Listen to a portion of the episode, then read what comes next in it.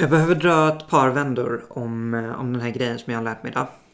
Eh, innan vi kommer fram till eh, frågan och någon form av konklusion. Eh, igår så satt jag mig och kollade på ett TED-talk, vilket jag inte har gjort på ganska länge. Och talaren pratade om ehm, hur man lär sig saker snabbt. Vilket jag känner att jag kan koppla till mina studier. Vilket gjorde att jag faktiskt ville se eh, talet. Där han pratar om att de här 10 000 timmarna som vi pratar om, om att man ska lägga in för att bli bra på någonting. De, eh, det handlar om att bli expertbra på någonting. Och han ville komma fram till hur många timmar det tar att faktiskt bara lära sig någonting och vara eh, okej okay, bra på det. Eh, så han hade lärt sig spela fyra ackord på eh, en ukulele på 20 timmar och kommit fram till att det var ungefär så lång tid det tar att eh, bli okej okay, bra på någonting. Och så tänkte jag på när jag senast bestämde mig för att lägga 20 timmar eller 10 000 timmar på någonting överhuvudtaget. Och det var nog ganska länge sedan eh, som jag sen gjorde det. Jag har bestämt mig för det flera gånger men jag har inte gjort det. Eh, och det enda jag kan komma ihåg att jag har gjort det med är fotbollen. Och det var... Kan det vara?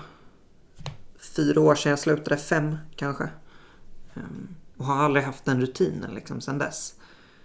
Vilket har stört mig ganska mycket. För att jag blir liksom inte... Jag blir inte lika bra som jag var på fotboll på någonting annat. Och det dockar jag an till ett annat TED-talk som jag har sett sen tidigare. Där man pratar om att... Eller hon säger True grit is this single most important key to success. Alltså äkta ihärdighet är det viktigaste du har för att nå framgång. Och det tror jag på. Jag tror verkligen att hårt jobb lönar sig. Jag tror att vem som helst i princip kan göra vad som helst om man bara bestämmer sig för det och sen eh, agerar utefter det.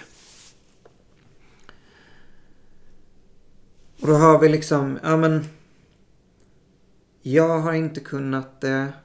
Men jag vet att man måste eh, lägga in de timmarna. Det jag har gjort de senaste eh, åren och den senaste tiden är framförallt att lägga de där 20 timmarna för att bli tillräckligt bra på någonting och sen har jag liksom slutat eller gått in på autopilot. Jag har liksom inte tränat vidare på det. Vilket gör att jag blir inte jättebra på någonting. Jag blir okej okay bra på flera olika saker.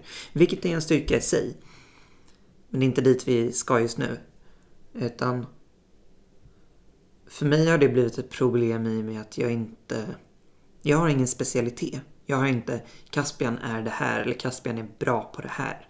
Utan jag har Caspian är okej på det här, det här, det här, det här. Um, och det är ganska störigt när jag ska pitcha mig själv. För jag kan inte säga att jag är jätteduktig på eh, klippa video. Jag kan klippa video. Det går, jag har programmen.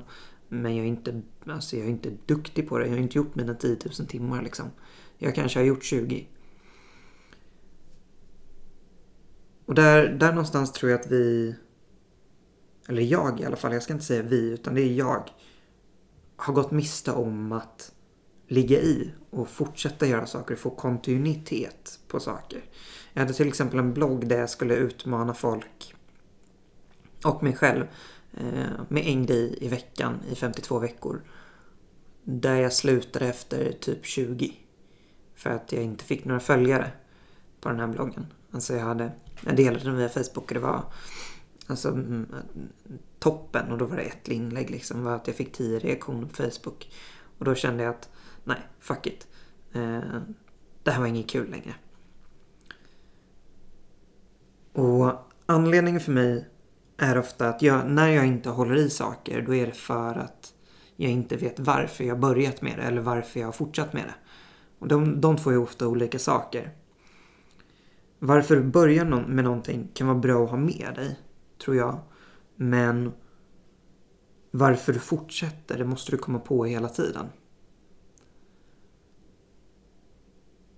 Så det, det är frågan jag vill ställa idag. Det är varför började du med någonting som du gör och varför fortsätter du?